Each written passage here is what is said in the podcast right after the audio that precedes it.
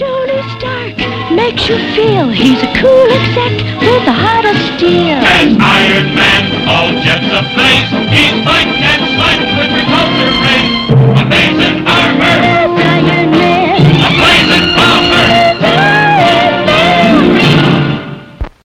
שלום לכל המאזינים וברוכים הבאים ל-The Blacklist, פודקאסט קולנוע מאת אתר עין הדג, שבו בכל פרק אנחנו מדברים על סרט אחר מפועלו של שיין בלק, במאי, תסריטאי, מדי פעם שחקן.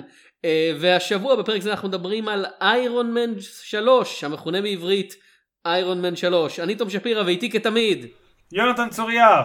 ואיתנו לא כתמיד. אורן בר. וואו, אור, כן, את רוצה אה, להציג כן. את עצמך לקהל המאזינים הרחב מאוד, אנחנו מקווים אולי, אנחנו מפחדים להסתכל בסטטיסטיקת ההאזנה? סימן שאלה?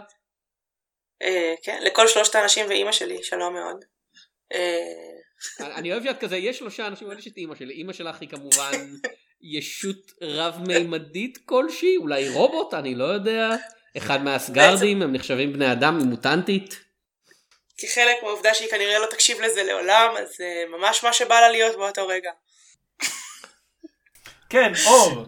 אה, אני אורן בר, אני אה, קוראת בעין הדג מלפני עידנים, אני התחלתי לכתוב ממש לאחרונה בעזרת יונתן, אני חלק מבלוג תת תרבות, לא יודעת, לא הכנתי רשימה, שיט. בסוף הפרק נזכיר, בסוף הפרק נזכיר לך לעשות עוד פעם פלאגינג. את יכולה לעשות רשימה במהלך הפרק. אנחנו מדברים כאמור על איירון מן 3 ששיין בלק כתב אה, וביים וזה באופן זה מאוד מאוד חורג מהשטנץ הרגיל שלו בכמה מונחים ומונחים אחרים זה מאוד מאוד בתוך השטנץ הקבוע שלו. איך זה חורג? ובכן זה סרט שמתרחש ביקום סינמטי במרוויל סינמטיק יוניברס כאילו זה סרט שהוא השלישי בסדרה שהיא בעצמה תת סדרה זה, זה יהיה שבע סך הכל בעולם של מארוול או שמונה משהו כזה לדעתי שבע, כן, זה, זה ישר אחרי הנוקמים, אז לדעתי זה השביעי, כן. ו- והוא עד עכשיו היה תמיד זה שמתחיל דברים וכזה אומרים אחרי זה אה כן אולי בס... אתה יודע נשק קטלני מאוד הצליח נעשה לזה המשכים והיו מאוד שמחים אם הסרטים האחרים שלו מצליחים באותה מידה אבל לא יצא לא לא קיבלנו את The Last Boy Scout 2 Boy Scout later משהו כזה Girl Scouts! כן כן בדיוק אה, אולי זה כאילו כיס כיס בנג. בנג פאם פאם. כאילו איך ההמשך של זה הולך. כיס כיס בנג בנג שוט שוט. במידה רבה אני חושב שזה ההמשך של Kiss Kiss Bang Bang כי אה, למי ש... אגב יהיו ספוילרים אה, ומאחר וזה פודקאסט על איירון מן 3 מעבר לעובדה שיהיו ספוילרים לסרט הזה ספציפית וכנראה לסרטים קודמים של שיין בלק שדיברנו עליהם יהיו ספוילרים לשאר סדרת איירון מן אני מניח כאילו ייתכן ראו הוזהרתם. למרות שבשלב הזה כל המין האנושי ראה את זה זה כנראה כאילו כנראה. זה הסרט הכי מצליח של שיין בלק. לא יודע אולי אם סופרים אינפלציה נשק קטלני הראשון יותר מצליח. אחד הסרטים לא, הכי לא מצליחים כנראה שלא אחד הסרטים הכי מצליחים אי פעם כן. בוודאי הסרט הכי יקר שהוא עבד עליו. אבל מה שחשוב אני באמת רוצה להגיד מה שהתחלתי להגיד לפני שהסחתי את הדעתי של עצמי זה באמת מרגיש כמו ההמשך הלא רשמי לכיס כיס בנג בנג במובן של ב Kiss Kiss Bang Bang שיין בלק לקח שחקן אחד רוברט דאוני ג'וניור שהיה כל כך על הפנים וכל כך עמוק בתוך הבוץ שאף אחד לא רצה לעבוד איתו ואפילו ש Kiss Kiss Bang Bang לא היה הצלחה כלכלית הוא היה הצלחה ביקורתית ואנשים אמרו יודעים מה? אולי יש עוד קצת כוח בסוס הזה ותיק הזה. ומיד אחרי זה טוב לא מיד אבל לקח זמן הוא נהיה איירון מן ואז כשהוא ראה שהבחור שהוציא אותו כאילו תקוע בעצמו בתוך איזשהו בוץ של הסרט שלו היה כישלון הוא לא יכול לעשות שום דבר אחר בא רוברט דאוני ג'וניור וגרר את שיין בלק בחזרה לתוך האור ההוליוודי של ההצלחה הכלכלית המסיבית. גם, גם כאילו, זה שיין בלקי מאוד בקטע שאמר, לא יודעת אם אני קופצת קדימה, אבל אה, קודם כל זה מתרחש ב Christmas. וזה כאילו מין אה, number one in the playbook of שיין בלק. יש אה, ילד קטן בסרט. וחמוד סלאש מעצבן זה גם מאוד שיין בלקי. ומעבר לזה, אני לא יודעת, אה, אני חושבת שזה די, פשוט התמה הזאת, כאילו. זה בקליפורניה, לוס אנג'לסי. כן, אה, רודי לא. לא בסרט הרבה אבל כשהוא כן הוא משחק את תפקיד השותף המבוגר והאחראי יותר לשטויות של איירון מן. לא, אבל אין, אין המון לוס אנג'לס דווקא באיירון מן 3, דווקא פה הסרט הוא מאוד... אה, באמצע ארצות הברית, במקום לא קשור, גם מאוד לא, כי אבל- אולי... אבל הוא מתחיל שם, הוא גם, אני לא זוכר אם הוא מסתיים, אבל אה, יש מספיק לוס אנג'לס כן. בשביל לשים V ברשימה הזאת. זה, אה, זה, זה השאלה הגדולה מבחינתי ואתם תרגישו כל אחד חופשי לענות לפי דעתו. אצלי זה מרגיש כאילו זה אה, בוא נגיד שלושת רבעי סרט מאוד שיין בלקי עם מגעים של יקום מרוויל ואז בקליימקס זה נהיה כזה לגמרי כזה אוקיי הנה קליימקס של, של המרוויל universe שלמדנו להכיר כבר אז והיום בכלל זה כזה. כל האפקטים והפיצוצים והרבה דמויות וצריך להצדיק את כל התקציב CGI הזה איכשהו. כאילו זה קליימקס מנופח בכל כך הרבה יותר רמות ממה ששיין בלק עשה אי פעם וזה מבוצע יותר טוב מהטורף שזה לא אתגר לטעמי כן כי הטורף הוא איום ונורא ונגיד על זה בהמשך אבל זה כן מרגיש כאילו דברים מחליקים לו מהידיים ועוברים ל second unit המפורסם של, של קווין פייג'י כאילו. אמ, אני לא בטוח שאני מסכים שזה, כאילו זה בא לידי ביטוי הכי בולט בסוף, אבל זה מאוד מאוד מרגיש שיש כאן את הסרט ששיין בלק כתב, ויש כאן את הסרט שמרוויל רצו לעשות, והם לא בדיוק מתנגשים, אבל הם מאוד מאוד כאילו כזה מנופפים אחד לשני בשלום. כזה מרוויל רצו לעשות את ה story line, את הסיפור של אקסטרמיס. רוב, רוברט דאוני ג'וניור, אני מאמין גם, כי זה מאוד דומה לו, ושיין בלק, רצו לעשות סיפור על גבר בפוסט טראומה. הם כזה... שיין, שיין בלק מאוד התעניין ביקום הזה, הוא מאוד רצה לבחון באמת את הדמות של איירון מן, ומרוויל היו כזה, אנחנו רוצים לעשות אקסטרמיס, אפשר לעשות אקסטרמיס, תכניסו גם את המנדרין. וכזה, שיין בלק זרם עם זה פשוט.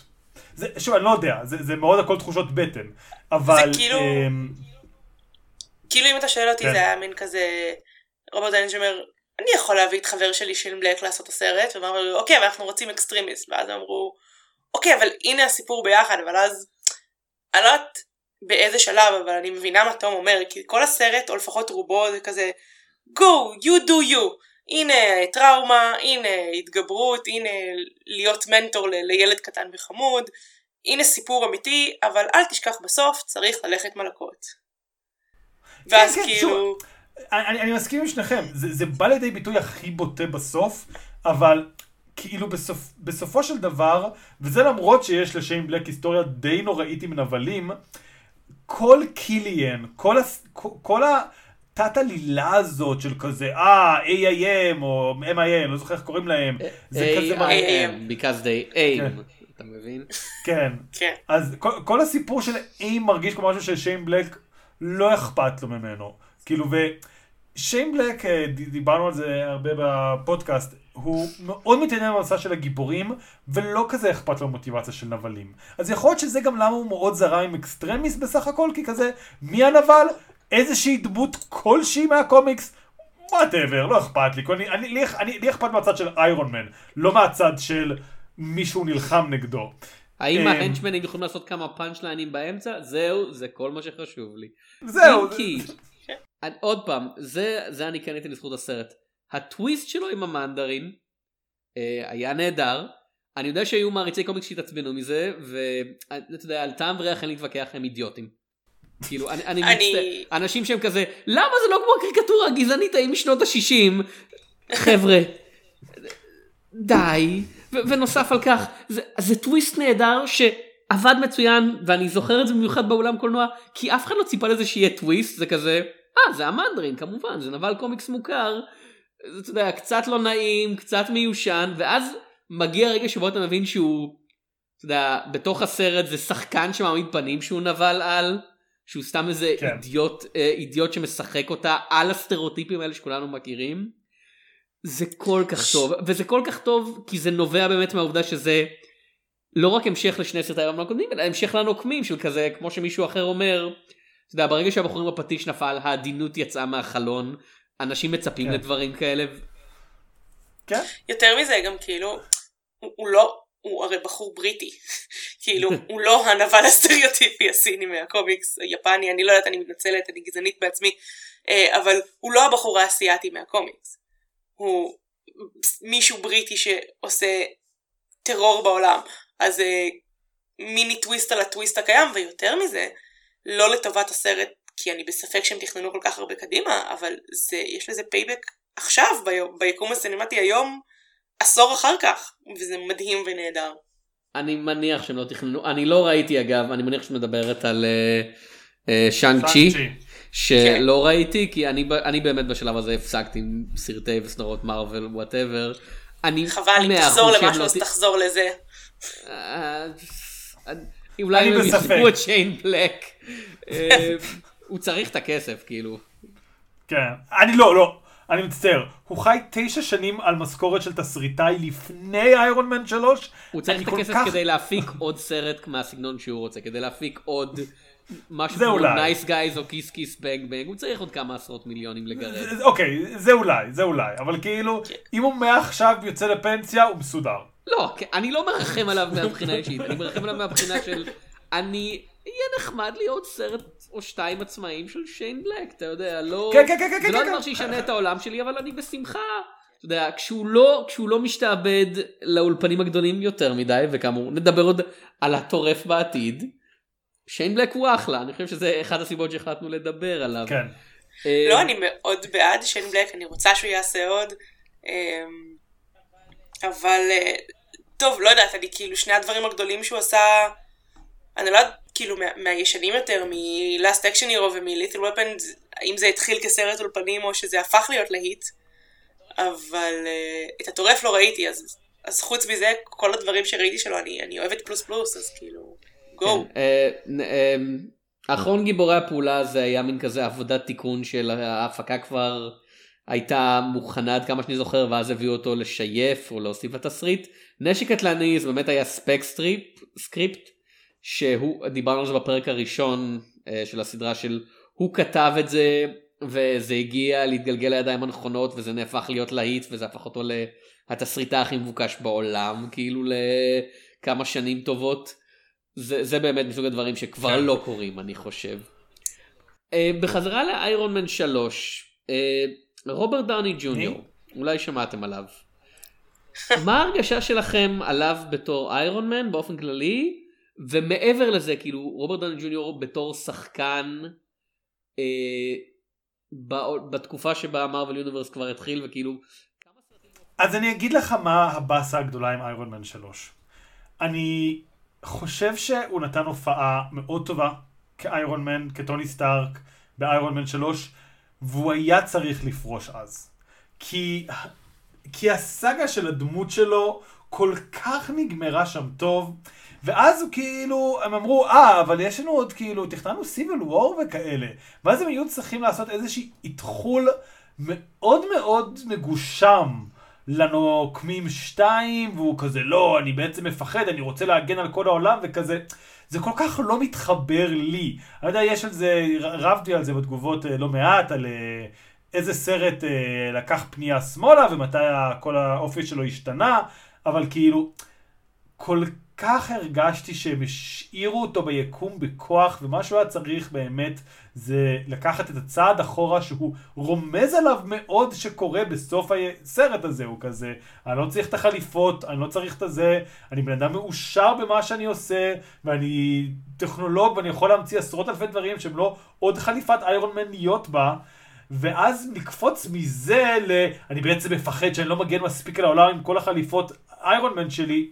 כאילו, תכלס מה שהיה צריך להיות, זה שהם היו צריכים לצלם את איירון מן 3, לשים אותו בהקפאה, לתת את כל הנוקמים מעידן אולטרון, כל הסיביל וור, ואז לשים את הסרט הזה, ואז הסאגה שלו הייתה קצת יותר הגיונית, או לפחות יותר משתלמת, וכזה, בסוף מה שקיבלנו בסוף המשחק, ספוילרים למי שלא ראה סוף המשחק, זה כאילו איזשהו כזה פשוט נרטיב של הקרבה לטובת הכלל, שכאילו, סבבה, אבל הוא לא מאוד הסיפור של איירון מן באופן ספציפי, זה פשוט כזה סיפור גיבור כללי, כזה, אה, אני גיבור, אז אני מקריב את עצמי בשביל כולם.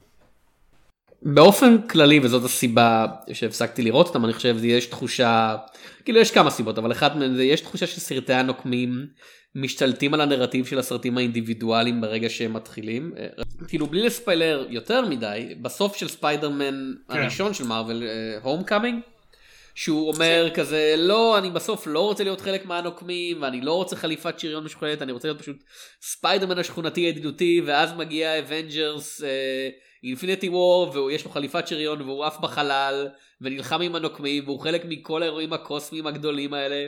וזה קצת כזה אוקיי או אתה יודע תור שכזה תור אתה לא צריך את הפטיש הכוח היה בתוכך כל הזמן ואז מגיע Avengers Infinity War וכזה לא הוא לא צריך פטיש הוא צריך גרזן כזה הקרבת את העין שלך בשביל חוכמה כן. וכזה הנה עין חדשה.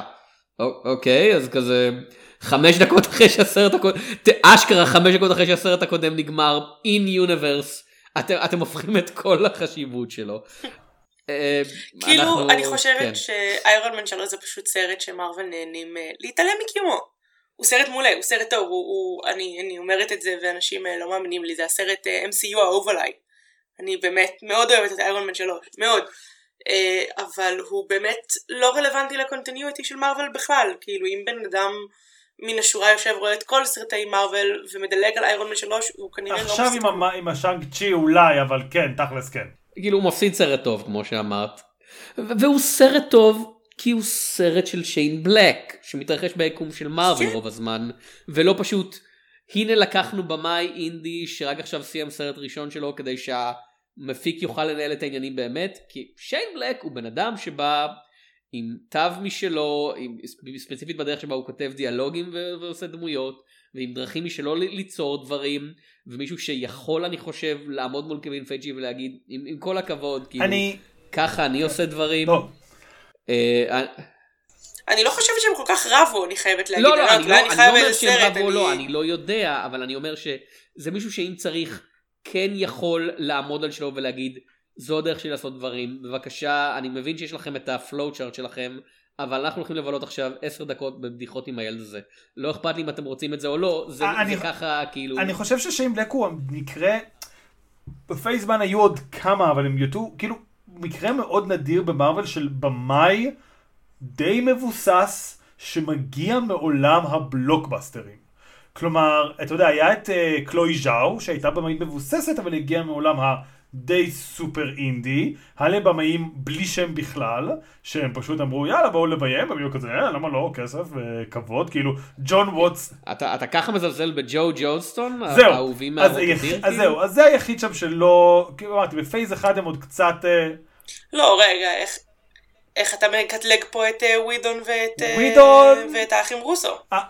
לפני, לפני האבנג'רס הוא לא היה במאי שוברי קופות, הוא היה במאי, הוא היה יוצר די אזוטרי של סרטים וטלוויזיה לחנונים, כאילו פייר, Firefly, איך קראו לסרט? Serenity, אה, כן. Serenity. Serenity. לא, לא, לא היה הצלחה כלכלית, ו- ובאפי היה, אתה יודע, רץ בכבלים שנים, אבל אבל, אבל כאילו ג'וס ווידון היה לו, אני לא אגיד שהוא יכל להתנגד לקווין פייגי, אבל כאילו, היה לו say, הוא היה כל- show כל- runner של הצגות, בסדר, אתה אולי אני- תטען שטלוויזיה פחות. אני אגיד שני דברים זה. קודם כל, האחים רוסו לא במשחק הזה, הם לא ביימו שום בלוקבאסטר רציני אה, ברמות אה, של שיין בלק. ככה לדבר על הבמאים של אני, אתה ודופני. איך אני מדבר? אני, את. אמ, אז היחידי. שם יש שלושה במאים בערך שאפשר לדבר עליהם. אחד לא באמת, זה קנט בראנה, שהוא במאי מאוד מבוסס, אבל הוא לא ממש עשה להיטי בלוקבאסטרים. השני זה באמת ג'ו ג'ונסטון, שהוא היה במאי בלוקבאסטרים, אבל קצת יותר כאילו כזה, אה, נכון, ג'ו ג'ונסטון כזה. אמ, והשלישי זה ג'ון, ג'וס ווידון, שהוא באמת היה יותר מוכר כיוצר כאילו בטלוויזיה מאשר כמישהו שעובד בקולנוע אה, ומשייף את זה. כאילו רוב הסרטים הגדולים שלו זה הם, זה, זה אחד שהוא כזה אחד משמונה בצוות. כזה הוא היה בצעצוע של סיפור, ולך תדע אם הוא תרם שלוש שורות או עשה מבנה עלילתי שלם. הוא היה באקסמן, אבל הוא שמע רק שורה אחת. אולי זאת השורה הגרועה של סטורם, אולי זאת שורה ממש טובה של מגנטו. הוא עשה שיופים בספיד. לא, אתה מדבר על חופשיות על הבר. הוא, הוא עשה את ה... כן, שהוא הוא שמר עשה שם. שכתובים לספיד, אבל כאילו, זה הכל מאוד מאוד כאילו, אוקיי, הוא היה כזה מאוד מאוד מאחורי הקלעים. שיין בלק היה שם של בלוקבאסטרים. כמו שאמרנו, הוא היה התסריטאי הכי מצליח בהוליווד לתקופה מסוימת. אז אני כן, שוב, אפשר להתווכח על זה כמובן לפה ולפה, אני חושב שהוא באמת בא עם איזשהו מוג'ו של אני, אני אוהב בלוקבאסטרים, כאילו... אני אגיד מה מבדיל אותי אותו לדעים אחרים, הוא סוג של, נקרא לזה מוחות, עותר בלוקבאסטרים. יש לו טביעת אצבע משלו, הוא מאוד מוכשר במה שהוא עושה, במה שהוא אוהב לעשות זה שוברי קופות. ויש משהו מאוד עצוב, שכאילו, שוב, אני מאוד שמח, את יודעת, מה שהם עשו עם האחים רוסו, מה שהם עשו עם ג'יימס גן וכו' וכו' וכו', אבל זה שהם בעצם לא פנו לבמאים כמו גור ברבינסקי, או, את יודעת, ספילברג הוא מן הסתם לא, אבל כאילו, במאי אקשן, זה רוברט רודריגז, אנשים שכאילו יש להם סגנון והם אוהבים לעשות את השטויות האלה, אלא הם תמיד תמיד פנו לבמאים יותר ויותר קטנים, ככל שהזמן עובר נראה איכשהו שהבמאים רק קוטנים ונהיים יותר איזוטריים, וכזה, מחר אתה תגלה שאתה מביים סרט מארוול ואתה אפילו לא במאי, וכזה, אתה רואה איך זה כן משתלם בסרט כמו איירון מן 3, שזה, שמצליח אפילו לאזן את המאוד מאוד דברים שרואים שמרוויל כופים עליו, עם הרבה דברים אחרים שהבמאי אומר, בסדר, בסדר, כאילו. אה, אני אומרת, אנחנו קצת גולשים פה לדיון אה, מרווילי כללי, אבל דווקא, דווקא בשלבים הראשונים, אני חושבת שכאילו שין בלק מין היה הנקודת מעבר הזאת, שבה מפסיקים להביא אנשים שיש להם say ומביאים רק אנשים שעושים מה שאנחנו רוצים אמ. שיקרה. כי דווקא בפייס 1 היה הרבה יותר סוג של חופש אומנותי, לפחות זה נראה ככה, הם נתנו להם יותר להתנסות, הם לא ידעו מה העולם הזה קיים, אמור להיות, והיום זה כאילו, לא יודעת, הבאתם את קלוי זו ונתתם לה לעשות את השוטים היפים שלה, אבל בסופו של דבר זה סרט מארוול הכי גנרי שראיתי בחיים שלי, וזה לרעתו, וזה לא מעניין שיש שם את זוכת האוסקר קלוי זו, זה פשוט הסרט הכי סתמי שיש בעולם, ויכלתם להביא גם אותי לביים אותו, וזה היה יוצא פחות יפה, אבל כנראה אה, אותו לא, סרט. אני אני צריך, לס- אני, אני לא שם את זה שם כי שנה אחר כך יש את ג'יימס גן, שגם מביא, שוב, הוא לא הבמאי בלוקבאסטרים, אבל בהחלט בן אדם עם חזון שרואים ב, בסרטים שלו, אז אני נותן להם עוד עד ג'יימס גן, אבל בהחלט, עד שיהיה מהדורת R-rated של שומרי הגלקסיה, אני לא אאמין לך שזה החזון אה, גני. כן, כן. אבל זה כאילו בדיוק הסוף, אני גם מניחה שהם עבדו על זה די כן, במקביל כן, בצורה כזו או אחרת, כאילו, השלב הראשון היה כזה התנסות לחלוטין, השלב השני זה כזה, אוקיי, רגע, יש לנו פה משהו בידיים, גם אפשר להביא את השמות האלה שהם קצת יותר AK שין בלק, ואז היה כזה, לא, אנחנו לא יכולים לגעת בזה, זה אני כאילו חושב שלנו. שהנקודה שלפחות. בעיני הקהל קצת הייתה כזה, אה, זה מה שקורה במרוויל, הייתה באמת עם אנטמן. שיצא שנתיים אחר כך, היה אמור להיות אדגר רייט שמאוד רצה לעשות את זה, ואז העיפו כן. אותו בגלל סכסוכי יצורות, אנחנו אף פעם לא נדע, כי בטח יש הכל בהסכמי סודיות. ושוב, זה לא שכל במה אצל מארוול אין לו חזון ואין לו אמירה ואין לו זה, אתה רואה איך האורחים רוסו מאוד מאוד פורחים במסגרת הזאת שניתנת להם, אמ, אבל אתה כן מרגיש שכאילו, כאילו, וטאיקה וטיטי עשה סרט מאוד מטורף שאני לא אוהב, אבל מאוד מאוד, כאילו, קיצוני, ועדיין התחושה היא שכאילו, הם לא באמת, כמו שאת אומרת, מביאים במאים שיש להם, שיכולים לסטות בצורה שתעשה איזשהו הבדל. כלומר, כאילו, אבל כמו שאור אמרה, אנחנו באמת כאילו נהיים קצת יותר מדי כלליים. וזה- אבל זה קשור לשיין אמנם בלק, לא בלי גלימות, זה זה זה קשור. לשיין בלק, כי... כי, כי, כי, כי הנקודה היא, כאילו בסופו של דבר פשוט כן חוזרים לנקודה שאמרנו בעבר, כמו ששיין בלק עשה סרט שלו באיירמן 3, וחמש דקות אחר כך הנוקמים 2 סינדל אותו, אז ככה זה היה גם עם במאים אחרים שניסו לעשות קצת דברים אחרים, כמו טייקה וטיטי, וחמש דקות אחר כך סינדלו את רוב ההתקדמויות שהוא הציע בתור רגנרוק, כן. שאגב, אני בסדר עם זה כי מגיע לו, כי הוא רצח את כל הדברים שהתור הקודם כיוון להם, אז כאילו, אתה יודע, קרמה וכאלה. אבל... אוי לא, תור העולם האפל, כל המארזים. וואו, רפרזנט, עכשיו מודפאקה! בפינה. אה, רגע, רגע, אין אף אחד בפינה, כי הפינה ריקה, כי אין דבר כזה מעריצי תור העולם האפל. סליחה. אבל אבל זה נורא לא- חשוב, תום, אנחנו גרמנו לכם לראות את זה, כי יש איזה משהו שחוזר ב Infinity War ואתם נורא צריכים. אבל העולם לא, כן. האפל שלי היה השעתיים שביליתי בלראות את העולם האפל בקולנוע, או כמה זמן שהוא לא יהיה. אולי הוא היה שבע שעות, אולי הוא היה עשר דקות, לעולם לא נדע, זמן הוא יחסי, היקום הוא כאב כן- לשיחה. אני כן באמת אגיד ש, שזה, שזה בדיוק אותו דבר, אבל דרך אגב, אתה, יונתן לא אוהב את הסרט הזה, אבל אני חושבת שרגנרוק, כמו איירון מן 3, הוא standalone נהדר. אנחנו יכולים לריב לא לריב על מה הוא עושה לדמות, אבל, אבל זה בדיוק הסרטים האלה ש, שבהם מארוול דווקא כן זורחים, ואני כן מחזירה אותו לאיירון מן 3, נתנו לשין בלק רוב הזמן לעשות את מה שהוא עושה בתוך ה... בתוך ה... נקרא לזה ארגז חול של מארוול והוא, והוא שיחק נפלא כי זה שיין בלק והוא טוב במה שהוא עושה ו... ואני בעד, כי נתנו לו גם סוף סוף גם כסף לשחק איתו, זה מגניב, אני חושבת שהוא לא התנגד לעשות מלא פיצוצים בסוף. אולי זה כנראה לא היה 100% מה שהוא רצה, אבל... אבל נראה לי שכאילו בסופו של דבר היה לו כיף, הוא הצליח, אני חושבת שה... לא הסצנה הסצנה בסוף, אבל ה build-up לסצנה בסוף, שטוני צריך לבוא עם הדברים שהוא בונה מהבית, עם, אה, ו- ו- ורץ שם במסדרונות ובעצם מוצא את המנדרין הוא בפעם הראשונה, זה, זה, זה, sequence נהדר, זה sequence כיפי בטירוף, כאילו- זה sequence שהוא מלא אקשן, אני מסכים, אני חושב שמה שמעניין אותו יותר, וזו בדיוק הבעיה שלו אם, אתה יודע, יהיה לעבוד על דברים כמו הסרטים המוכרים יותר של מארוול, זה ששיין בלק נהנה כשהפרוטגניסט are outgunned, כאילו כשיש איזה משהו שמעכב אותם, ולכן לאורך כל הסרט, שוב ושוב השריון של איירון מן אה, מתפרק וכושל, בשלב מסוים הוא צריך להתקיף את, ה, את הבית של המנדרין, כאילו עם ציוד שהוא קונה בעצמו בסופר. ומאחר וזו אמריקה זה לחלוטין לא ברור לי חשבתי אה אוקיי הוא שונא אקדחים או משהו כזה אבל לא אין לו שום בעיה לקחת אקדחים מאנשים אחר כך. אני די בטוח שאם היית הולך אתה יודע לאיזה sporting good store חמש דקות משם היית יכול פשוט לקנות 20 אבל שוטגנים. לא קוראים לו כאילו, shotgun מן. ו- אבל גם איירון מן בתור דמות שכאילו יש לו את, הוא יצרן נשק, זה לא, אבל זה לא אין לו שום הקטע שלו. באקדחים אחר כך זה, זה, זה הבעיה הבעיה של הסרט כאילו אחת מהבעיות שלי עם החלק הזה זה היה מאוד מגניב לראות אותו ממציא כל מיני דרכים להתחמק ולעבור וכל מיני כלי נשק מאולתרים ואז אבל לא קוראים לו שטגן מן, קוראים לו איירון "אני הולך מן, אוקיי? בכם". וזה היה פחות אה, מגניב אם הוא היה לוקח שטגן והוא ידע את זה. והוא ידע את זה והוא רצה לתת לאנשים שהוא הורג פיינל כזה שהם מגיעים טוב. לגן עדן וכזה למ, איך מתת? והוא כזה איירון מן לקח פליירים עם כזה חשמליים והוא שם אותם על מכונית מרוץ קטנה כזאת ואז כזה הם רצו ונכת... וחתכו אותי באמצע וכזה וואו זה מוות מאוד מקורי כל, כל הכבוד כל הכבוד לך, ל...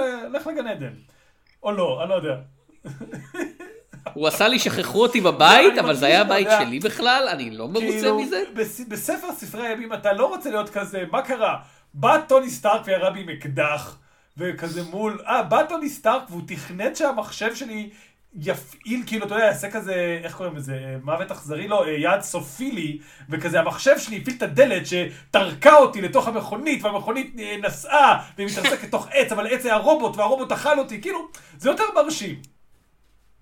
כאילו ומצד שני זה מוביל לבעייתיות בסוף הסרט של כזה אני אני חושב שמה שדורון פישר התייחס אליו כשהוא כתב את הביקורת על הסרט כשהוא עוד יצא למה צריך בן אדם בחליפה יותר מרגע שאנחנו רואים שזה משהו נייד לגמרי ושהמחשב ג'רוויס יכול לשלוט בעשרות כאלה במקביל באותה רמה של אפקטיביות פחות או יותר. אין שום סיבה בעולם שטוני סטארק יסכן את החיים שלו בתוך החליפה חוץ מזה ש... טוב, ככה, ככה הוא הגיבור של הסרט ודרונים זה פחות הירואי לא, מבן מה אדם זאת אומרת? שריון. אתה, אתה מתמכר לדברים האלה, מה? זה, זה בדיוק העניין, זה גם בדיוק ההתחלה של הסרט, פה רגע אני נותנת קרדיט. יש פה פורשדרינג מלא בהתחלה, טוני במקום ללכת לדייט עם פפר, הוא נשאר במעבדה ועושה דברים, מה, הוא, הוא לא יכול להפסיק, הוא לא יכול לעשות הפוך, להיות עם פפר בדייט ולתת לרובוט לעשות דברים למטה.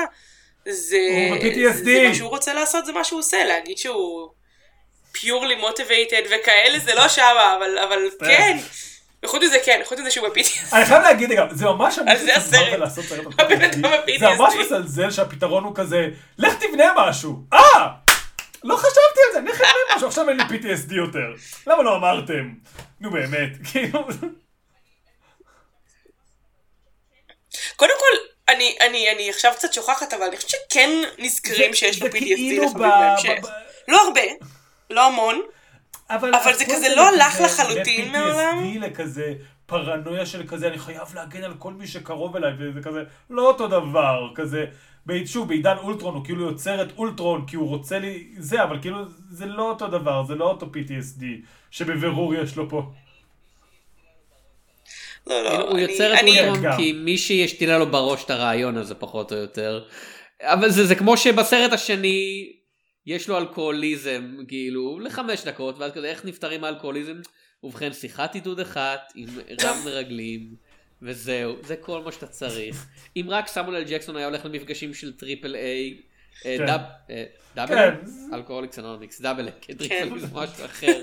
אם רק סמואל ג'קסון היה הולך למפגשים של Alcoholics Anonymous הוא היה פותר את הבעיות של כולם בחמש. דקות על כוס קפה וסופגניה. לא, אבל כמו, כמו, שמרוויל נהנים להיעלם את הקיום של איירון מן 3, אני לא מחשיבה את הקיום של אה, אולטרון כאיזשהו משהו קונטיניוטי במרוויל, כי, כי, כי כולם, חוץ, חוץ מזה שהציג דמויות חדשות, זה כאילו באמת סרט שלא לא היה קשור לא לפני ולא אחרי, כאילו, וזה, וזה סרט נוקמים, והוא באמת הסרט הנוקמים, אה, לא אבל סתם אבל הקטע הדבר הכי גרוע. ש- שתום צודק אה, בקטע של. כזה. אוקיי, איירון מן אה, 3 סוגר את סוגיית הדרונס חליפות מאוד יפה. כי הוא כזה, הח- החליפות האלה ייצגו איזושהי התמכרות, הם ייצגו איזשהו אה, בעיות רגשיות וחו- וחוסר עקבות רגשית, ואני נפטר מהם בשביל להמשיך הלאה. ואז, כשהוא ממשיך להיות איירון מן, אבל כאילו הוא יכול לעשות את החליפות האלה עדיין, כאילו, כל הרעיון זה שהוא לוקח צעד מלהיות שם תמיד, ואז הם עשו כזה, לא, אבל אנחנו צריכים שיהיה מישהו בחליפה. אבל כזה, למה שלא תעשה עוד חליפות? כי אה, וואו, זה, כאילו, זה יכול מאוד לעזור, כל ה-80 אלף חליפות האלה, בכל שלב אחר.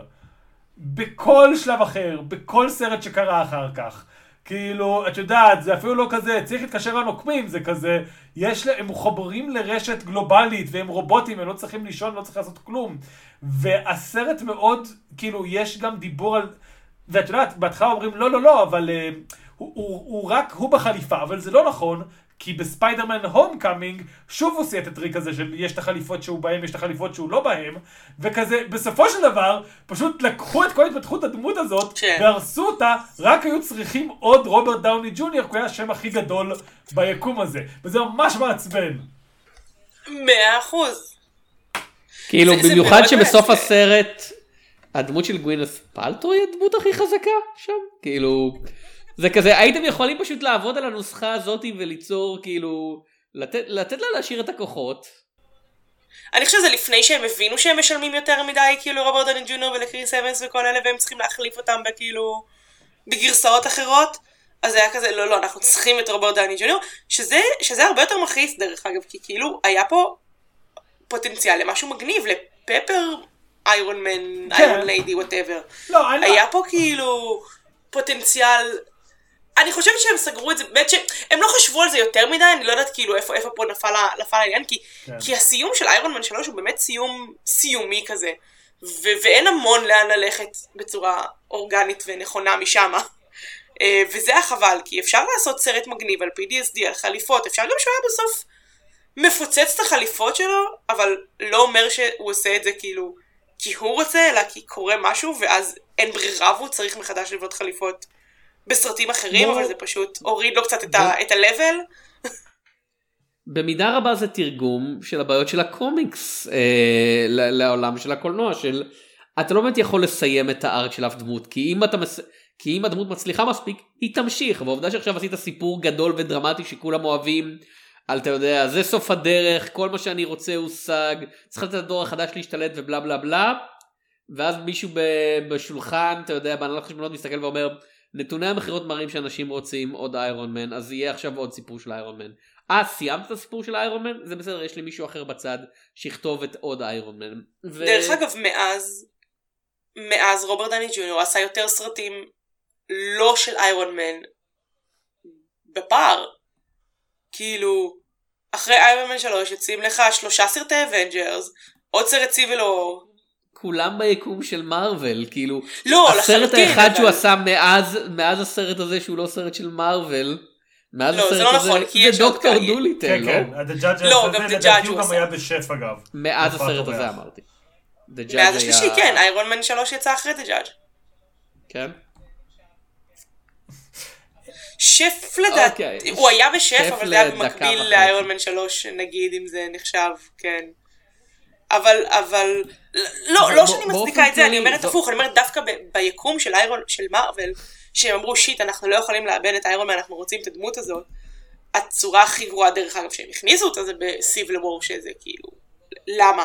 אבל זה נושא אחר. אבל- לא אבל זה גם לא זה לא רק איירון זה כל הדמויות שלהם כאילו אבנג'רס אייג' אוף אולטרון תאהבו לא תאהבו נגמר בזה שאוקיי אומר טוב זהו זה היה אני בנוקמים ביי ביי ואז מגיע סיביל וור והם כזה טוב הנה ג'רמי רנר שוב אפילו שאני לא מכיר בן אדם אחד שאומר ייי ג'רמי רנר בתור אוקיי הדמות האהובה עליי.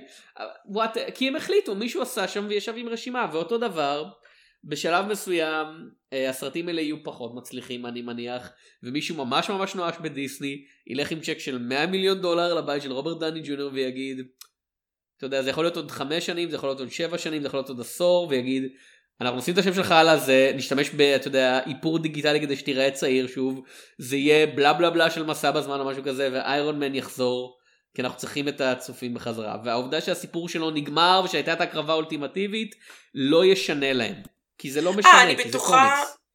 אני בטוחה שאם היקום של מארוול קיים בעשור הבא בחיינו, יהיה איזשהו קאמר של רוברט דני ג'וניור מחדש. אה, לא בטוחה שזה יהיה בסרט שלם, אבל שוב, יעשה קאמר כדי להביא אנשים, כדי להגיד, יש לנו פה את רוברט דני ג'וניור. אה, אני לא חושבת שזה יהיה סיפור איירון מן שלם נוסף. הם, הם, כאילו, אני מקווה שלא, אני כבר לא יודעת להגיד, זה כאילו גיבור שאני מאוד אוהבת, שחקן שאני מאוד אוהבת, אבל... אבל לא נראה שזה כאילו יכול לעבוד באיזושהי צורה שהיא טובה ומוצלחת. שאני בוא יכולה לחשוב עליה. בוא נדבר קצת על הדמויות האחרות בסרט. הזכרנו את אה, גווינס פלטרו בתור פפר פוטס זה אני חושב ועוד פעם זה, זה מאוד מוזר לי כי אני לא חושב עליו בתור מישהו שכותב נשים כל כך טוב. אה, זה הדבר הכי טוב אני חושב שהיה ביקום של מארוול הסרט הזה מבחינת תפקיד שנתנו לעשות ואני לא מתכוון רק לקטע של אה יש לה כוחות על אז היא מנצחת את הבחורה אלא העובדה שהיא מבלה את כל הסרט ב... יודע, להתנגד למה שטוני עושה לעצמו והיא לא טועה היא לא כזה אוי הנודניקית הזאת שהורסת לנו את הגיבור על הטוב לא היא החברה שמבינה כאילו שהבן אדם הזה דופק את עצמו והוא ידפוק עוד אחרים אם הוא ימשיך בנתיב הזה. והיא מוכנה לעמוד ולהגיד לו לא. אמ, תראה, אני חושב שבכלליות היא בהחלט הכי טובה פה, אבל הדמות של פפר פוץ היא באמת דמות מאוד שהיקום של מארוול לא לחלוטין הבין מה לעשות איתה, ויכול להיות שזה תקף גם לקומיקס, אבל כאילו הם כזה, היא אוהבת אותו, אבל כאילו... הסרט הזה עשה את הדבר הכי טוב בזה שהיא כבר לא המזכירה שלו, כי כזה באיירון מן הראשון היא המזכירה שלו, ואז בסרטים אחר כך היא כזה האישה שלו, ואז כאילו זה גם איזושהי יורדה בדרגה, ופה זה באמת הסרט היחידי שהם קצת כאילו ראש בראש, כמו שאתה אומר, כאילו היא לא אה, בסימטריה ביניהם, היא די שוות ערך אליו. אה, יש עניין מעניין אגב עם דמויות נשיות בסרט הזה, שאני לא יודע אם הזכרנו. וזה ששיין בלק נורא נורא רצה שהנבל יהיה נבלית. וזאת תהיה, אני לא זוכר איך קוראים לה, רבקה הול? כן. אה, זאת ש... כן. אה, ואז באו עולים כזה, לא, זה חייב להיות גבר. אה, אה, וזה מאוד חבל ומטומטם. אה, שזה דרך אגב טוויסט שהיה הרבה יותר, לא יודעת אם לקרוא לזה טוויסט לחלוטין, אבל זה טוויסט שהרבה יותר היה לי מגניב וכיפי בסרט. כי בסדר, המנדרין הוא זה, אבל למי אכפת ממנו? הרבה יותר מגניב שהבחורה שעם פפר שכאילו רק נקלעה לסיטואציה בעצם, היא באמת חלק מהבייד גייז. כן, ופה זה כאילו, לא, נקלעתי לזה בטעות. אה, לא, היא כן, היא כן bad guy, היא כן bad guy, היא יודעת לחלוטין, היא רצתה להביא את טוני למ- ל- לכל העניין הזה. היא, אני חושבת שאם אני זוכרת נכון, יש שם איזה שלב שהיא כזה שיט עשיתי כאילו משהו שהוא מוגזם, אבל יש פה את הטוויסט הזה שפפר פתאום מבינה שהיא נמצאת עם מישהי שהיא לא רוצה בטובתה ובטובת טוני, אלא היא רוצה בטובת איים והיא עושה הכל בשביל המחקר שלה. חבל פשוט שזה לא המוקד של הסרט, וקיליאן המוקד של הסרט, כי עם כל אהבתי לגיא פירס, הדמות של קיליאן היא, היא היא קיימת? סופר קיימת, כן. כן הוא כזה הוא... כן אה, עוד עוד מישהי שחשוב לי לציין למרות שזו הופעה סופר קטנה אה, סטפני שוסטק, שוסטק אני לא בטוח מבטאים את זה שהיא משחקת את ההנצ'מנית שרודפת אחרי טוני סטארק אה, בבר ההוא בעיר הקטנה כשאין לו כוחות על. וזה הופעה קטנה אבל ממש ממש מצוינת והעובדה שמבחינתה זה כזה נורא מצחיק שהוא מנסה להילחם בה כשהיא בבירור יכולה להרוג אותו עם האצבע שלה.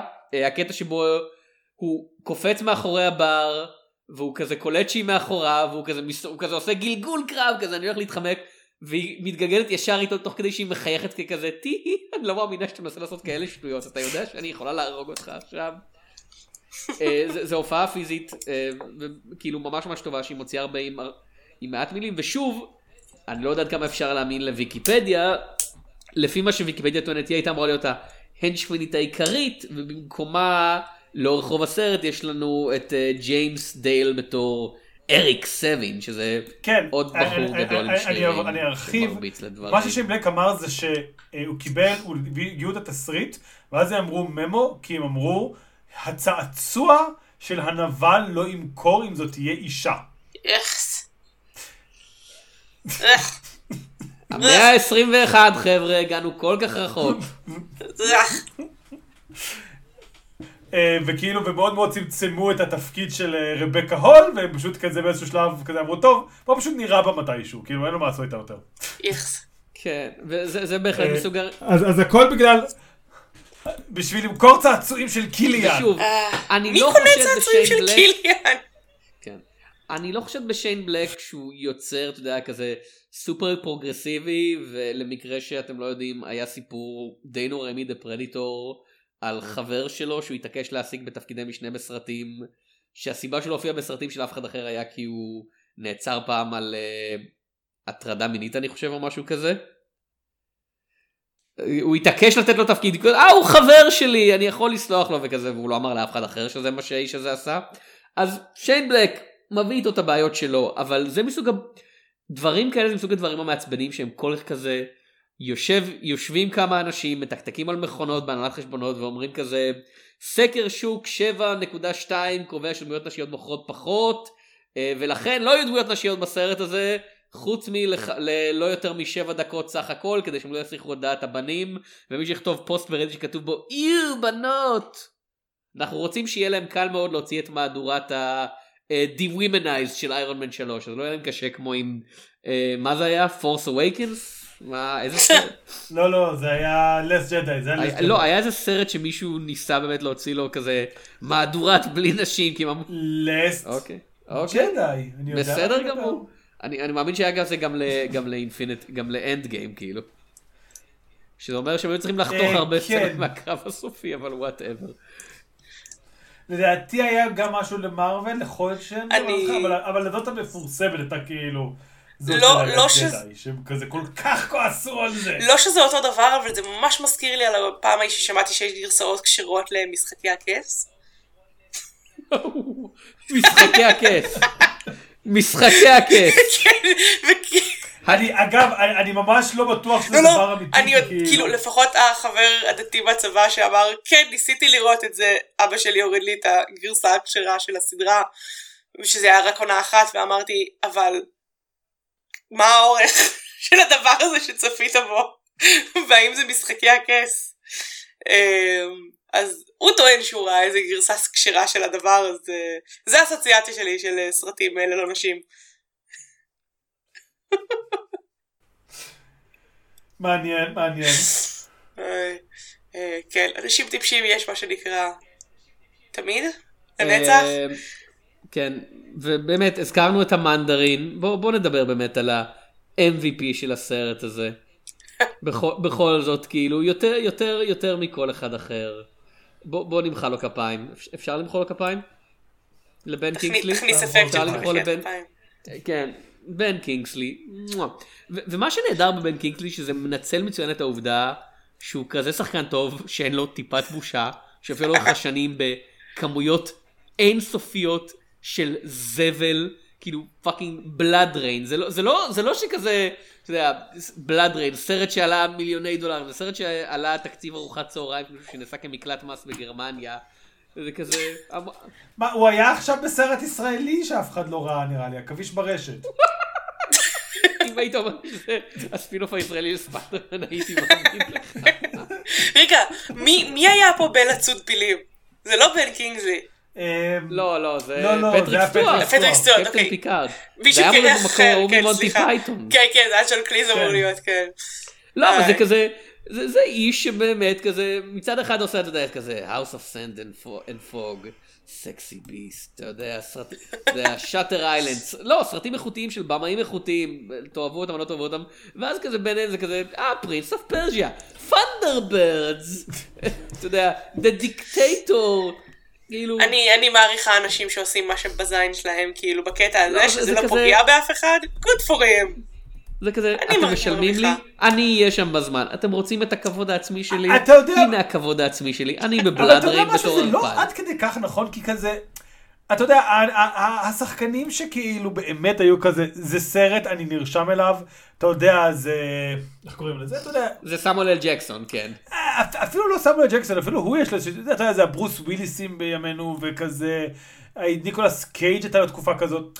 לבן קינגסלי באמת יש פשוט תחושת אקראיות של כזה, הוא באמת עושה את השטויות שבא לו לעשות. מדי פעם זה בשביל כסף, מדי פעם זה פשוט כי הוא כל כך נהנה לעשות שטויות, אבל כזה, כן, אני, אתה יודע, כזה, אני עוד גדלתי, כאילו, באמת, זה כזה, בין הסרטים האחרונים שלו היה את, איך קוראים לזה, את... אמ, אה, סקסי ביס, כזה של 2001. וסקסי ביס זה, זה אחת ההופעות הכי טובות במשהו אי פעם, אוקיי? של בן גל. כן, בהחלט. אה, אבל כזה, מי שגדל בעשור האחרון על בן קינגזי זה כזה, אה, כן, הבחור שבהופעות אקראיות מדי פעם בסרטים, והוא היה ממש טוב בזה, אבל כזה, וואו, איזה מוזר. וחבל, כי הוא באמת שחקן כל כך טוב, ובאמת איירון מן 3 מראה את זה, כלומר, הוא באמת שחקן מדהים, אבל העשור האחרון הוא באמת פשוט עושה... שוב, זה אפילו לא כזה כל זבל שתזרוק עליו, זה כזה דברים אקראיים, זה כזה... אתה יודע, זה לא שהוא הלך רק על התחתית של התחתית, אבל זה כזה, כן. דרגון הארט 3. כל... זה מרגיש כאילו אתה מדבר על כל, על כל הקאסט של רד. כן. כאילו, הם הגיעו לרד כי כאילו זה מה שבא להם לעשות באותו רגע, וכל הקריירה הקולנועית שלהם הובילה לזה שהם יעשו מה שבא להם וזה יהיה בסדר, והם כולם שחקנים טובים, והם יכולים גם ללכת לאיזה סרט שיועמד לאוסקר, אבל גם לעשות אגב, כאילו... זה- זה- זה לא. בגדול השאיפה שלי בחיים, כאילו תמיד להיות הסוג הזקנים הזה שפשוט יכול לעשות מה שבא להם. וכזה, מה תעשו לי? אני בן כן. אלפיים, עשיתי דברים שצריך לעשות בחיים, בן קינגסי עד ב-43, אוקיי, אם היה יהודי, הוא היה... אני אני לא זוכר אם הוא היה יהודי או לא, אוקיי, הוא היה טכנית, כאילו, הוא טכנית לא, שריד מלחמת העולם השנייה. יש את ה... יש את הציטטה של אה, לורנס אוליבי אה, אה, לקראת סוף חייו, שהוא באמת הופיע בכל פיסת בולשיט אי פעם, כאילו, אה, The Original Clash of the Titans, אינצ'ון וכאלה. ו- והוא אמר, אני, אני אקריא את זה במלואו, וזה חשוב מאוד. People ask me why I'm playing in this picture. The answer is simple. Money, dear boy. I'm like vintage wine. You have to drink me quickly before I turn sour. I'm almost used up now, and I can feel the end coming. That's why I'm taking money now. I've got nothing to leave for my family but the money I make from my films. Nothing is beneath me if it pays well. Nothing is beneath me if it pays well. איזו אמרה נהדרת. לורנס אוליביה, גדול שחקני הבמה של כל הזמנים. אני חושבת שהנקודה הזאת בחיי, אר- אריסון פורד נגיד כן, בנקודה הזאת אריסון פורד בחייו היה כבר. אפילו נקודה שהוא כזה... רוצה- זה כאילו- כי יש משהו בגישה הזאת, שוב, זה... אני זוכר שדיברנו על זה גם שחקן אחר, של בין המקום של קולנוע זה לחלוטין דבר, זה עבודה. וכאילו, היה ז'אנר כזה של שחקנים שכזה, תקשיבו, אני לא אמן, אני בן אדם עובד, אני צריך לעשות כסף. זה איך שאני עושה כסף, תנו לי לעבוד. אה, מול כאילו כל הדניאל די לואיסים שכזה, לא, אני בוחר את הסרטים שלי עם פינצטה, וכל דבר אני עובד עליו, זה כאילו... לא רוצה להביא, אני לא יודע אם אני באמת כאילו, הוא נשמע לי בסופו של דבר בן אדם שלא הייתי מסתדר איתו, אבל אני נורא אוהב את הגישה הכללית שלו, כזה לכל הדור החדש, אני מאוד מאוד אוהב גם את הציטוט האחר שלו מול דסטין הופמן, שהוא היה צריך לעשות כזה מפוד הקטינג, אז הוא רץ הרבה לפני כאילו שהוא נפגש, כי הדמות שלו בדיוק רצה כמה מטרים, ולא רציתי לוי אמר לו, כן, זה, זה היה באיש המרתון, והדמות שלו הייתה אמורה להיות ערה כמה ימים ברצף, אז כן. הוא פשוט נשאר כמה ימים ברצף, ואז לורנס אוליבי אמר לו, אה, כן. נחמד מאוד. ניסית לשחק פשוט, וכאילו. אני כל כך אוהב אנשים שלא מתייחסים לזה ברצינות, כי זה כאילו, אנחנו עושים קולנוע, אנחנו... זה אנשים עושים שטויות. כן. אני לא חושבת דרך אגב, אני לא חושבת שזה לא רצינות, אני באמת לא רוצה להוריד מהכבוד של אף אחד מהאנשים האלה, אני הפוך, אני מאוד מכבדת את זה שהם אומרים, גם, גם יש משהו באמת שזה באמת שחקנים מבוגרים יותר, כאילו, עשיתי, עשיתי את שלי, הוכחתי, אני יודע שאני יודע שאני יכול לשחק, הייתי בבמה, זכיתי בפרסים, הלכתי ובחרתי את התפקידים שלי, עכשיו אני צריך לפרנס, עכשיו אני כאילו, גם, גם אתה יודע מה, עזבו אותי, אני רוצה לעשות כיף, כן. מה אכפת לי כאילו מה קורה. כל עוד הם עושים את זה בתור סרטים, בתור עבודה, בתור משהו שבאמת לא פוגע באף אחד, שילכו וישחקו מבחינתי בכאילו, לא יודעת מה, בהם מסתכלים על הקיר ומשחקים עם עצמם פינג פונג. זה זה מזכיר לי... כאילו, זה בעיה שלהם, זה בעיה שלי אם אני בוחרת לראות כן, את זה, אבל... ציטוט ואנקדוטה כללית. הציטוט האחר שאני גם נורא אוהב, זה של מייקל קיי נראה לי, על ההשתתפות שלו במלטעות 2 או 3, ומישהו שאל אותו אם הוא ראה את הסרט, והוא אמר לא, אבל ראיתי את הבית שה... שהסרט קנה לי, כאילו המשכורת, וזה בית מאוד יפה. I have not seen the house, the movie. By all rumors it's terrible. I have seen the house it is built and it's magnificent. זה היה ג'וז פרי דה ריבנג'. סרט שבו והדבר יש השני, נקמה אישית זה בבני אדם. שזה הזכיר לי כאילו לגבי לעשות כיף, זה פרנסס מקדורמנד ועוד כל מיני שחקנים שכזה מאוד איכותיים שמופיעים בסרט של כן. מייקל ביי ואומרים זה אחד הסטים שהכי נהניתי להיות בהם אי פעם. עכשיו אני לא יודע איך לקחת את זה כי כאילו בצד אחר יש לך נתונים שחקנים שחקנים כמו מייגן פוקס שאומרים שהוא היטלר ודברים כאלה אבל כזה כן קולנוע לא חייב, יכול להיות כיף, וזה בסדר, והוא עדיין לוקחים אותו ברצינות גם שהוא כיף, ואפשר לעשות כאילו, ושיין בלק הוא דוגמה מאוד טובה לזה. שבכיס כיס בנג בנג בטח, וגם קצת באיירון מן, שזה סרט שהוא לחלוטין נועד, אתה יודע, להקל בקלות ובעדינות, ואתה יודע, הוא לא צריך להכביד עליך ואתה לא יושב עליו, וכאילו מהרהר כל היום בזה, אבל הוא גם סרט כאילו, הוא לא מזלזל בך והוא עדיין כיף. ואפשר לדבר על הדברים שהוא עושה ולה- ולהתעניין בהם, והוא מאתגר, לאו דווקא, אתה יודע, אינטלקטואלית כזה, מול מולהולנד דרייב, האם כל מה שראינו זה חלום, אבל הוא גם תמיד כיף, זה פשוט תמיד כיף. כיף זה חשוב, אני אוהב כיף. אמרתם על הכיף הרבה. אני, אני, כן, אני, אני, אני מאוד בעד כיף, גם שיהיה לשחקנים כיף וגם שיהיה לצופים כיף, בסדר, כאילו, יש גם דברים כבדים יותר שצריך לדבר עליהם, אבל, אבל באמת, הנה סרט שכאילו, 70% ממנו מדבר על התבודדות של בן אדם עם PTSD, בסדר, זה בעולם עם רובוטים וחייזרים, ובסוף הם קצת כאילו נוטשים את העניין הזה, אבל, אבל אפשר. אם רוצים אפשר. ועל זה אני מאוד מכבדת את הסרט, כי, כן. כי כיף לי, באמת כיף לי, לאורך כל הסרט כיף לי. אבל גם יש שם כמה דברים מעבר, כן. אם אני רוצה לשבת ולחשוב על זה קצת יותר. טוב, איירון מן 3. סרט, לא, לא דיברנו עליו הרבה, דיברנו מסביב, שאני חושב שזה, אני מרגיש שזה לגיטימי לפודקאסט הזה. והדבר האחרון, וזה קצת עצבן אותי, בהתחשב בבמאי המדובר ובתסריטאי המדובר, דון צ'ידל בתפקיד איירון פטריוט, כי אם גווינת' פאלטרו עכשיו קיב- קיבלה פה נתח הגון יותר מהעוגה התסריטאית, הוא באמת כאילו קיבל, הוא פאנץ' ליין לאורך כל הסרט. ופאנצ' ליין לא מצחיק במיוחד. ויש משהו מעניין, עוד פעם, מבחינה רעיונית, בקטע של, אה, הוא הגרסה הממשלתית של מה שאיירון מן, כאילו, הוא הגרסת תעמולה של הממשלה, וזה לא משנה אם הוא רוצה או לא, זה מה שהוא חייב להיות, כי הוא חייל בצבא ולא שואלים אותו, אבל זה מרגיש. כמו שצריך לקבל סרט בפני עצמו. כן, אבל זה, זהו, זה, המקום של זה, המקום שלו הוא לא באיירון מן 3. המקום של הדבר הזה אבל הוא לא באיירון מן 3, זה דבר שאפשר לחקור, ובאמת יש לזה פוטנציאל, ואני אולי אראה את זה, לא יודעת, כאילו, לא, על מי אני עובדת, אני אראה את זה, זה חלק ממרוויל, אבל אני- אני אולי אני אתעניין בזה בלי קשר, אבל זה לא מה שאיירון מן 3 צריך להיות. כאילו פה זה באמת זה מוביל לקטע המטופ...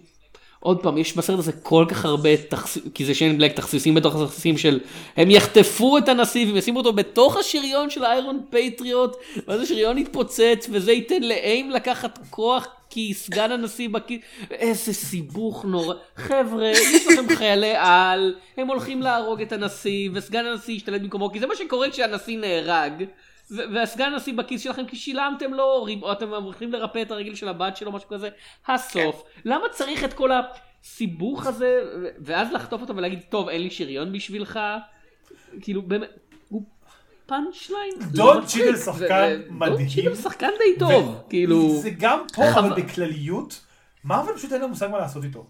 בקטע רע. הם כאילו, הם הביאו אותו כי- טרנס האוורד דרש יותר מדי כסף. כאילו- כזה, אתה פשוט דמות, ת- תהנה כשאתה נלחם ליד איירון מן מדי פעם, ביי. וכזה, אתה יודע, ניסו לתת לו... אני חושבת, קצת ניסו כזה, לא, בסיביל וור הוא נפצע. ומדי פעם אכפת לו, אבל כזה, הוא פשוט שם. וממש יכלו להעלים את כל הדמות של רודי, כמעט מכל סרטי איירון מן, בוודאות מכל סרט מחוץ לאיירון מן, ולא היה קורה כלום.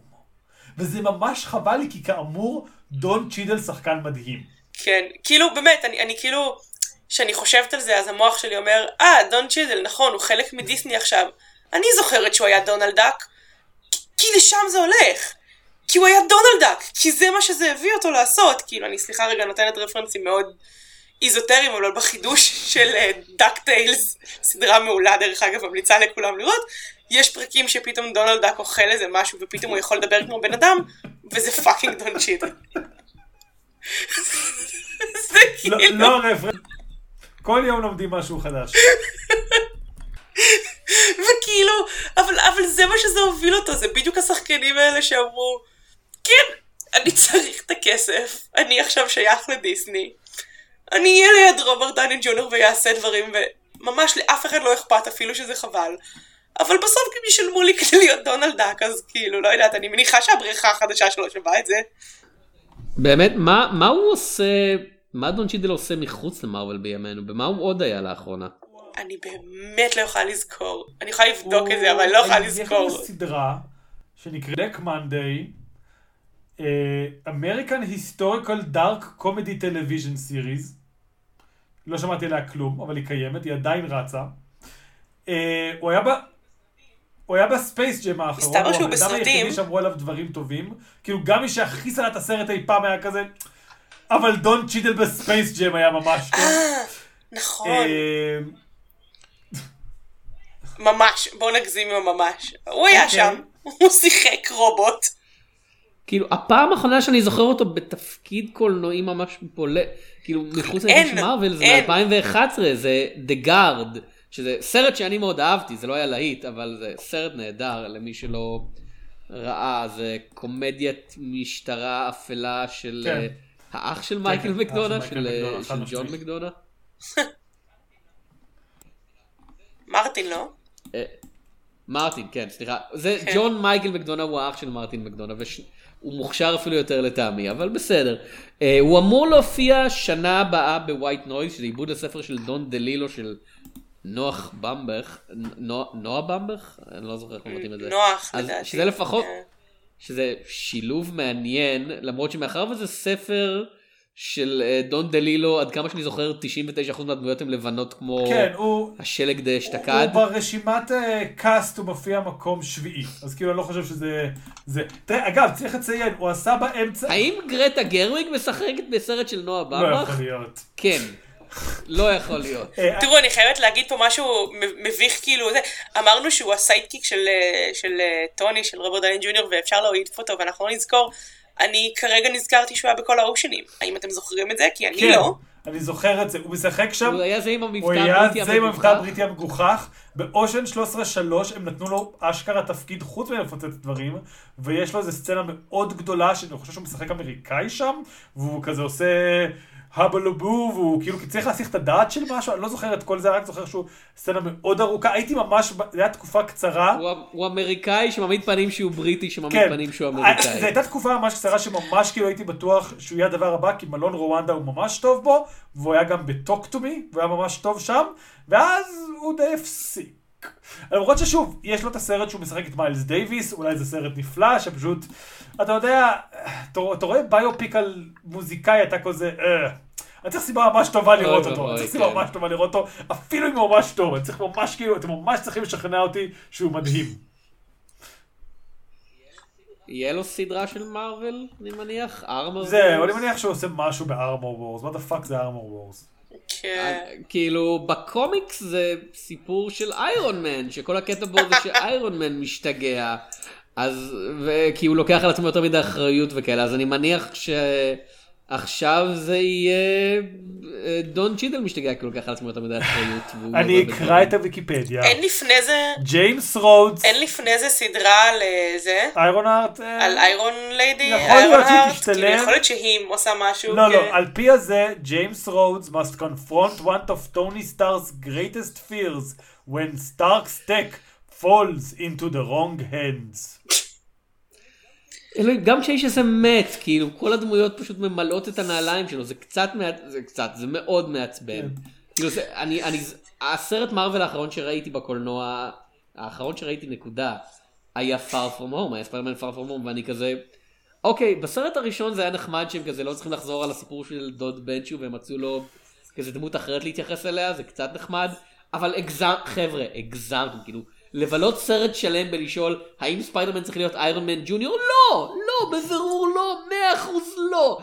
הרמז בשם שלו, ספיידרמן, לא איירון מן. אה, זה שתי מילים מאוד דומות. הרמז הוא בכל קומיקס של, בכל קומיקס של ספיידרמן שאי פעם פורסם עד כה, כל הרעיון הוא שהוא ילד ממוצע לחלוטין מרוב העני יחסית בניו יורק שבקושי מכסה את היום האם הוא צריך להיות היורש של מולטי מיליארדר שמציל את העולם לא לא בבירור לא מאה אחוז לא. זה היה משמעות זה היה המסר של הסרט הראשון בסדרה שלכם. למה אתם צריכים לשאול את אותה שאלה שוב? אני כן אגיד, אה, אני, אני, אני מניח מלראות את הטריילרים רק שבפאר פרום הום או איך, ש... איך הם קוראים לחדש הזה? No way כן. home, home and משהו away, uh, home alone, uh, ישאלו האם, אוקיי ספיידרמן, לא No Way Home, No Way Home. האם, האם ספיידרמן צריך להיות דוקטור סטרנג'? לא, אני לא חושבת, אני חושבת שהסרט החדש זה כמה cameos אפשר לעשות, כן. זה- זה- זה שני דברים שונים. אנחנו ממש אה, חרגנו ועברנו לספיידרמן ושיין בלק, זה בסדר. לא, אני חושב שכאילו כל פרק אנחנו כזה לפתע מוצאים עצמנו כזה, אה, הולכים על כלבים האסקים ולא על הסרט של שיין בלק, בוא בוא נחזור לעשה. אבל אמ, כן, בסופו של דבר... אני, חושבת דרך אגב, סליחה רגע, אני אומרת, כאילו, אני, אני סוטה מהנושא כי כאילו, אין לי, אין לי הרבה מה להגיד מתוך כמה לאיירון מן שלוש מעבר ל... זה סרט, זה באמת סרט טוב, אני אחזור על זה. סרט טוב, זה סרט נהדר, כולם צריכים לראות אותו, אבל, אבל זה כאילו, אבל זהו? הוא סרט מוצלח, אני- יש אני- דברים אחרים יותר מעניינים לדבר עליהם בהקשר. ככל שאני חושב על זה, אני שוב חוזר לזה שזה באמת היה צריך להיות הסרט שחותם את הסיפור של טוני סטארק, והיו צריכים לתת למישהו אחר למות באופן הירואי בכפפה של אה, סוף המשחק. הולק, ג'רמי רנר כהוקאיי, לא אכפת לי, תנו למישהו אחר את המוות הזה. אה, ב- בתקופה בין אינפיניטי ל- לאנדגיים, כן. הפנטזיה הפרטית שלי הייתה שנמצא את טוני סטארק עם פפר, עברו לגור ב middle of nowhere, בית ליד, אה, אני כבר לא זוכרת איך קוראים לו, לדמות של טי סימפקינס, וכאילו, טוני סטארק לא מגדל את הילד הזה, אבל הוא נמצא שם כמנטור, לא יודעת, פתח כיתה ל- לרובוטיקה לילדים בכיתה ד', כאילו, ממש רציתי שזה יהיה הקולבק, כאילו ש- שבאנ- שבאינפיניטי מור הדברים נראו כאילו הסוף, האנד גיים מבחינתי היה, לשם אני רוצה לחזור. שזה זאת אומרת? סוג של ל- מה כמעט זאת מה אומרת? שהם הם עשו. שמו את הילד בקמיו מאוד אקראי בלוויה של טוני סטארק. נכון, ואני הבן אדם היחיד שבערך בקהל שהיה איתי בהקרנה שאמר, רגע, אגב, אני אוהב את זה כי כזה, אוקיי, שילד יודעים את המספר של כל החבר'ה שכזה היו בקרב, אבל כזה, מי, מי חשב על להתקשר לילד הזה, שכאילו, אנחנו לא, לא, לא, לא שמענו אי פעם על הקשר, הוא לא היה כזה באמצע ספיידרמן הוקאבי, כזה, רגע, יש לי שיחה עם ילד באמצע שום מקום, חכה רגע, כזה. הוא ידע פשוט שיש לוויה, הוא כזה התפרץ וכזה, אתם לא מבינים, היה לי רגע מאוד משמעותי אותו לפני כמה שנים, והם היו כזה, טוב, בסדר, כאילו, זה מאוד... אתה מבין, אז בהדקנון, אתה מבין, אז בהדקנון שלי הקשר הזה נשמר. אוקיי. טוני המשיך להיות המנטור, אני, אני כאילו, אני, אני כמעט קיבלתי את סגירת המעגל, זה כאילו לא כמו שרציתי, אבל, אבל איירון מן 3 היה כאילו מבחינתי, כן, לכאן הולכים שעכשיו אין תקווה יותר. כן. טוב, אז זה הזמן שלנו. כאמור, בסוף כל פרק אנחנו מדרגים את כל הסרטים של שיין בלק שראינו עד כה. אה, אור, את רשאית להצטרף עם הסרטים שראית, כי את לא היית חייבת להכריח את עצמך בכוח לראות את The Monster Squad. לא נהנה כיף. אה, אז יונתן, אתה רוצה אני להתחיל? אתחיל. אה, אה, אז שעד לאיירון מן 3 שהוא עשה, הוא עדיין כיס כיס בנג בנג. אחריו, אחרון גיבורי הפעולה. אחריו, נשיקה ארוכה ללילה. אחריו, איירון מן 3 נראה לי.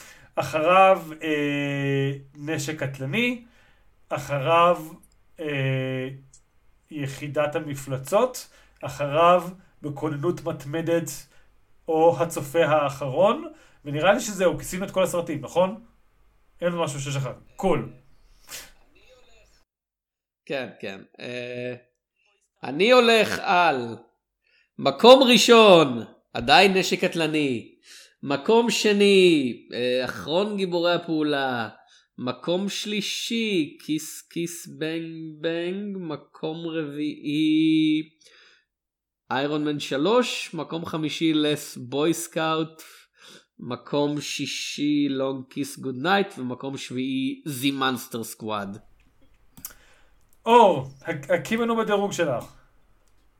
את כל כן. הסרטים אי פעם שראיתי שלו, או שרק את הדברים כן. עד Iron Man את שלוש? יכולה להוסיף גם את אלו, כי אנ- אנחנו עוד לא הגענו ל-The Nice Guys, אנחנו עוד לא נדרג אותו, כן. אבל את יכולה להוסיף אותו, כי זה ההופעה אז- היחידה שלך בפודקאסט הזה. את יכולה להוסיף גם את כן. ה- את הפיילוט שלו שלא יצא אף פעם, של אדג'.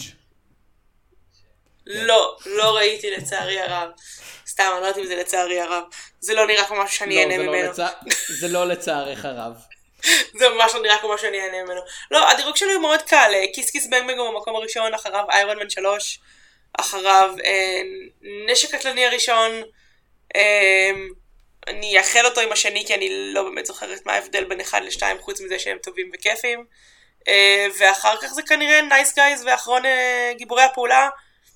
אבל רק כי אני אוהבת את Iron Man 3 ו Kiss Kiss Bang Bang כל כך, הם, הם כאילו ברמה אחת הרבה יותר גבוהה מכל שאר הסרטים של שין בלק לטעמי. אוקיי?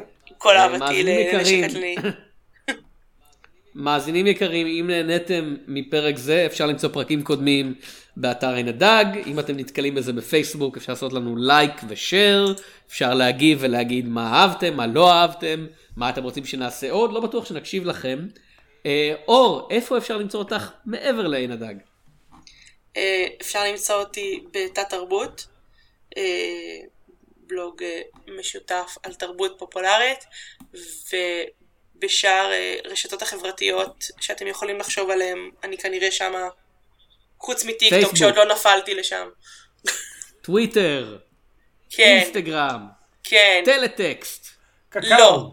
יונות דו- יונות דואר. בוודאות, לינקדין. סימ- יש לי אחד כזה. יש לי אחד כזה. ICQ, אני די בטוחה שאני עדיין זוכרת את המספר הישן שלי. איך קוראים לזה? IRS. איך קוראים לזה של ה- שעשו אה, נגד אה, פייסבוק, הימנים? ספן משהו. אה, לא, אני לא, אני לא אה, זה. אני לא רוצה להפיל את הממשל ו- ותומכת בתיאוריית קונספירציה. וכמובן עין הדג, הרשת החברתית האולטימטיבית. אה, כן. Letterboxd, אני מאוד חז- חזקה ב Letterboxd.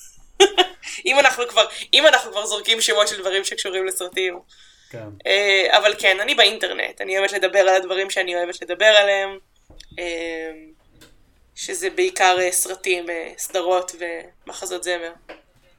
אז עד הפעם הבאה אני הייתי תום שפירא, אני הייתי יונתן צוריה. אני אורן בר. וניפגש בסרטים של שיין בלק.